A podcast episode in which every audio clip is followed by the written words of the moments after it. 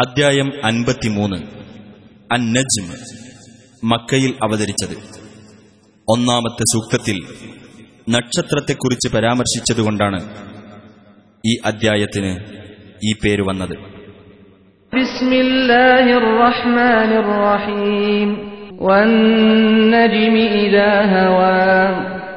നക്ഷത്രം അസ്തമിക്കുമ്പോൾ അതിനെ തന്നെയാണ് സത്യം.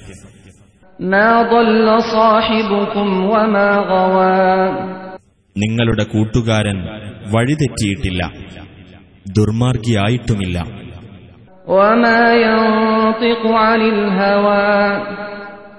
അദ്ദേഹം തന്നിഷ്ടപ്രകാരം സംസാരിക്കുന്നുമില്ല.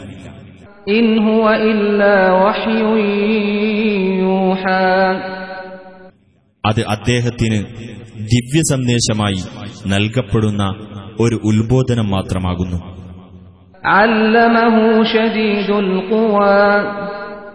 ശക്തിമത്തായ കഴിവുള്ളവൻ അഥവാ ജിബ്രിയിൽ എന്ന മലക്കാണ് അദ്ദേഹത്തെ പഠിപ്പിച്ചിട്ടുള്ളത്.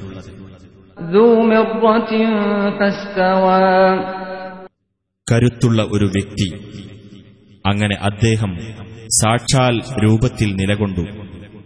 وهو بالأفق الأعلى ثم دنا فتدلى അദ്ദേഹമാകട്ടെ അത്യുന്നതമായ മണ്ഡലത്തിലായിരുന്നു പിന്നെ അദ്ദേഹം അടുത്തുവന്നു അങ്ങനെ കൂടുതൽ അടുത്തു فكان قاب قوسين أو أدنى അങ്ങനെ അദ്ദേഹം രണ്ടു വില്ലുകളുടെ അകലത്തിലോ അതിനേക്കാൾ അടുത്തോ ആയിരുന്നു فأوحى إلى عبده ما أوحى അപ്പോൾ അള്ളാഹു തന്റെ ദാസന് അവൻ ബോധനം നൽകിയതെല്ലാം ബോധനം നൽകി ما كذب الفؤاد ما رأى അദ്ദേഹം കണ്ട ആ കാഴ്ച അദ്ദേഹത്തിന്റെ ഹൃദയം നിഷേധിച്ചിട്ടില്ല أفتمارونه على ما يرى എന്നിരിക്കെ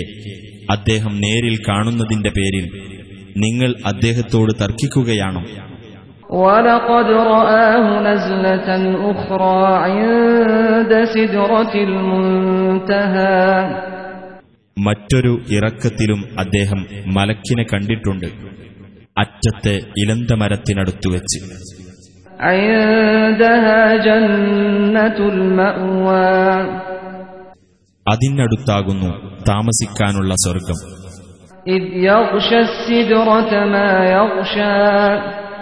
ആ ഇലന്തമരത്തെ ആവരണം ചെയ്യുന്നതൊക്കെ അതിന് ആവരണം ചെയ്തിരുന്നപ്പോൾ.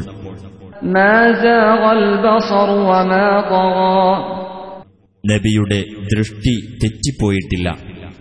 അതിക്രമിച്ചു പോയിട്ടുമില്ല ലഖദ് റആ മിൻ ആയാതി റബ്ബിഹിൽ കുബ്റാ.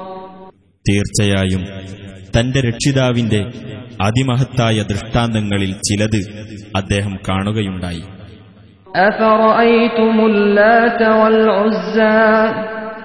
ലാത്തയെയും ഉസ്സയെയും പറ്റി നിങ്ങൾ ചിന്തിച്ചു നോക്കിയിട്ടുണ്ടോ?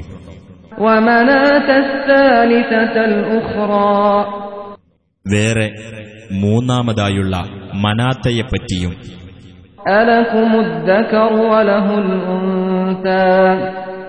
സന്താനമായി നിങ്ങൾക്ക് ആണും അള്ളാഹുവിന് പെണ്ണുമാണെന്നും.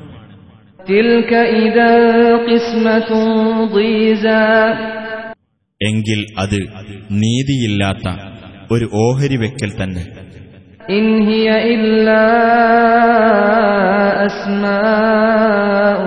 സമ്മയ്തുമൂഹ അന്തും أسماء سميتموها أنتم وآباؤكم ما أنزل الله بها من سلطان إن يتبعون إلا الظن وما تهوى الأنفس ولقد جاءهم من ربهم الهدى നിങ്ങളും നിങ്ങളുടെ പിതാക്കളും നാമകരണം ചെയ്ത ചില പേരുകളല്ലാതെ മറ്റൊന്നുമല്ല ആ ദേവതകൾ. അവയെപ്പറ്റി അള്ളാഹു യാതൊരു പ്രമാണവും ഇറക്കിത്തന്നിട്ടില്ല. ഊഹത്തെയും മനസ്സുകൾ ഇച്ഛിക്കുന്നതിനെയും മാത്രമാണ് അവർ പിന്തുടരുന്നത്. അവർക്ക് തങ്ങളുടെ രക്ഷിതാവിങ്കിൽ നിന്ന് സന്മാർഗം വന്നിട്ടുണ്ട് താനും.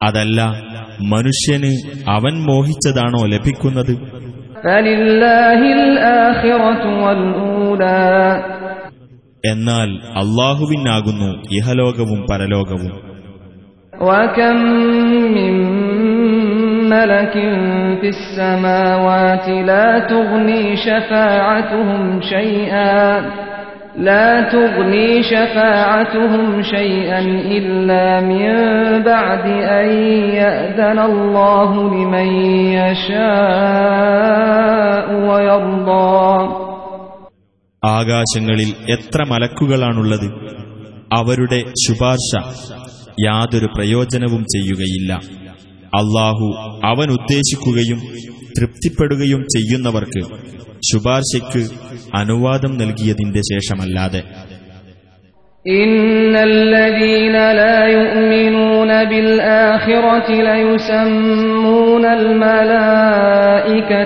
تسمية الأنثى തീർച്ചയായും പരലോകത്തിൽ വിശ്വസിക്കാത്തവർ മലക്കുകൾക്ക് പേരിടുന്നത് സ്ത്രീനാമങ്ങളാകുന്നു وما لهم به من علم إن يتبعون إلا الظن وإن الظن لا يغني من الحق شيئا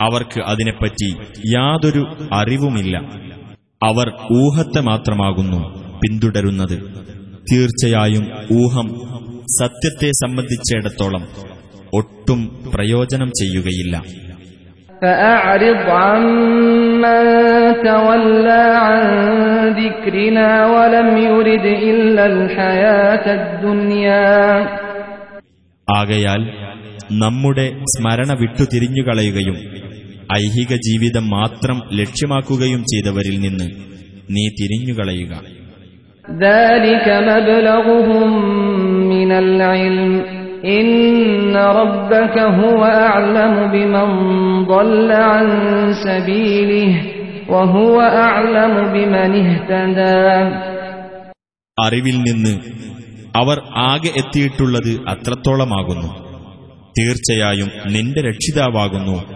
അവന്റെ മാർഗത്തിൽ നിന്ന് തെറ്റിപ്പോയവരെപ്പറ്റി കൂടുതൽ അറിവുള്ളവൻ സന്മാർഗം പ്രാപിച്ചവരെപ്പറ്റി കൂടുതൽ അറിവുള്ളവനും അവൻ തന്നെയാകുന്നു ولله ما في السماوات وما في الأرض ليجزي الذين أساءوا بما عملوا ويجزي الذين أحسنوا بالحسنى അള്ളാഹുവിനുള്ളതാകുന്നു ആകാശങ്ങളിലുള്ളതും ഭൂമിയിലുള്ളതും തിന്മ പ്രവർത്തിച്ചവർക്ക് അവർ ചെയ്യുന്നതിനനുസരിച്ച് പ്രതിഫലം നൽകുവാൻ വേണ്ടിയത്രേ അത് നന്മ പ്രവർത്തിച്ചവർക്ക് ഏറ്റവും നല്ല പ്രതിഫലം നൽകുവാൻ വേണ്ടിയും الذين يجتنبون كبائر الإثم والفواحش إلا اللمم إن ربك واسع المغفرة هو أعلم بكم إذ أنشأكم من الأرض وإذ أنتم أجنة في بطون أمهاتكم فلا تزكوا أنفسكم هو أعلم بمن اتقى അതായത് വലിയ പാപങ്ങളിൽ നിന്നും നിസ്സാരമായതൊഴിച്ചുള്ള നീചവൃത്തികളിൽ നിന്നും വിട്ടകന്നു നിൽക്കുന്നവർക്ക് തീർച്ചയായും നിന്റെ രക്ഷിതാവ് വിശാലമായി പാപമോചനം നൽകുന്നവനാകുന്നു. നിങ്ങളെ ഭൂമിയിൽ നിന്ന് സൃഷ്ടിച്ചുണ്ടാക്കിയ സന്ദർഭത്തിലും നിങ്ങൾ നിങ്ങളുടെ ഉമ്മമാരുടെ വയറുകളിൽ ഗർഭസ്ഥ ശിശുക്കളായിരിക്കുന്ന സന്ദർഭത്തിലും അവനാകുന്നു നിങ്ങളെപ്പറ്റി കൂടുതൽ അറിവുള്ളവൻ. അതിനാൽ നിങ്ങൾ ആത്മപ്രശംസ നടത്താതിരിക്കുക. അവനാകുന്നു സൂക്ഷ്മത പാലിച്ചവരെപ്പറ്റി നന്നായി അറിയുന്നവൻ.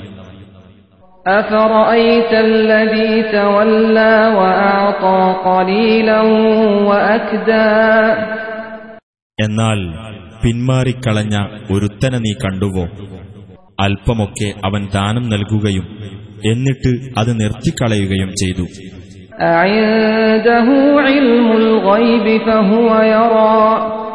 അവന്റെ അടുക്കൽ അദൃശ്യജ്ഞാനമുണ്ടായിട്ട് അത് മുഖേന അവൻ കണ്ടറിഞ്ഞുകൊണ്ടിരിക്കുകയാണോ?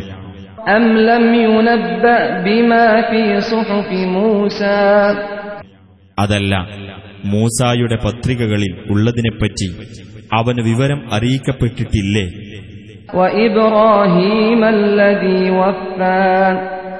കടമകൾ നിറവേറ്റിയ ഇബ്രാഹിമിന്റെയും പത്രികകളിൽ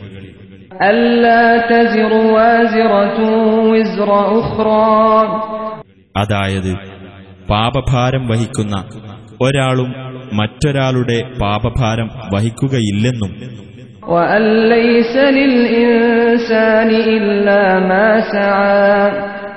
മനുഷ്യന് താൻ പ്രയത്നിച്ചതല്ലാതെ മറ്റൊന്നുമില്ല എന്നും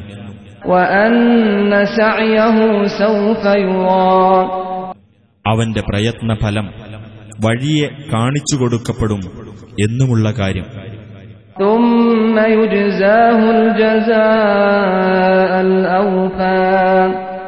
പിന്നീട് അവന് അതിന് ഏറ്റവും പൂർണമായ പ്രതിഫലം നൽകപ്പെടുന്നതാണെന്ന്.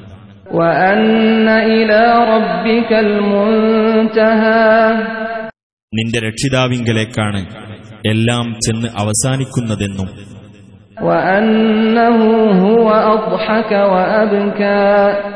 അവൻ തന്നെയാണ് ചിരിപ്പിക്കുകയും കരയിക്കുകയും ചെയ്തതെന്നും وأنه هو أمات وأحيا അവൻ തന്നെയാണ് മരിപ്പിക്കുകയും ജീവിപ്പിക്കുകയും ചെയ്തതെന്നും وأنه خلق الزوجين الذكر والأنثى من نطفة إذا تمنى ആൺ പെൺ എന്നീ രണ്ട് ഇണകളെ അവനാണ് സൃഷ്ടിച്ചതെന്നും ഒരു ബീജം സ്രവിക്കപ്പെടുമ്പോൾ അതിൽ നിന്ന് وأن عليه النشأة الأخرى രണ്ടാമത് ജനിപ്പിക്കുക എന്നത് അവന്റെ ചുമതലയിലാണെന്നും وأنه هو أغنى وأقنى ഐശ്വര്യം നൽകുകയും സംതൃപ്തി വരുത്തുകയും ചെയ്തത് അവൻ തന്നെയാണ് എന്നും.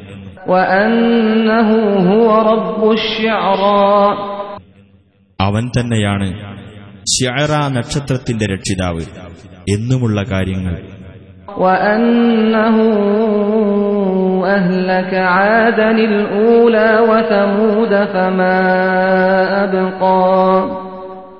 ആദിമ ജനതയായ ആദിനെ അവനാണ് നശിപ്പിച്ചതെന്നും സമൂദിനെയും എന്നിട്ട് ഒരാളെയും അവൻ അവശേഷിപ്പിച്ചില്ല.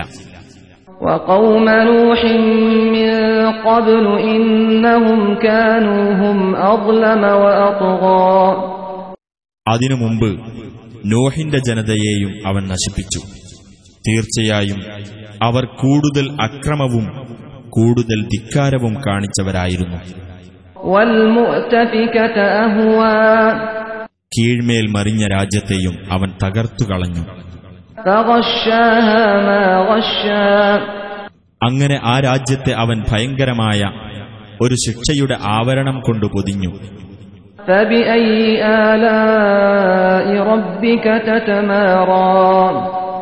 അപ്പോൾ നിന്റെ രക്ഷിതാവിന്റെ അനുഗ്രഹങ്ങളിൽ ഏതൊന്നിനെപ്പറ്റിയാണ് നീ തർക്കിച്ചുകൊണ്ടിരിക്കുന്നത്?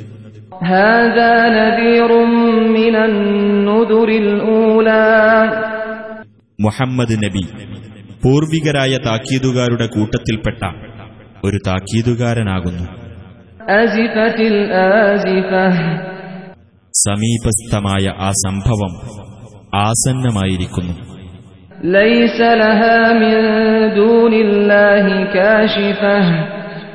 അള്ളാഹുവിന് പുറമെ അതിനെ തട്ടി നീക്കാൻ ആരുമില്ല.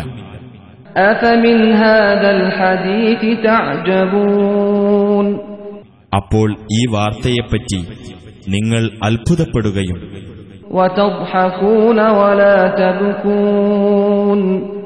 നിങ്ങൾ ചിരിച്ചുകൊണ്ടിരിക്കുകയും നിങ്ങൾ കരയാതിരിക്കുകയും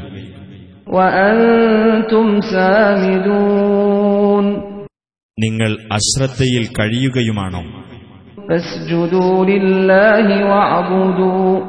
അതിനാൽ നിങ്ങൾ അള്ളാഹുവിന് പ്രണാമം ചെയ്യുകയും അവനെ ആരാധിക്കുകയും ചെയ്യുവിൻ.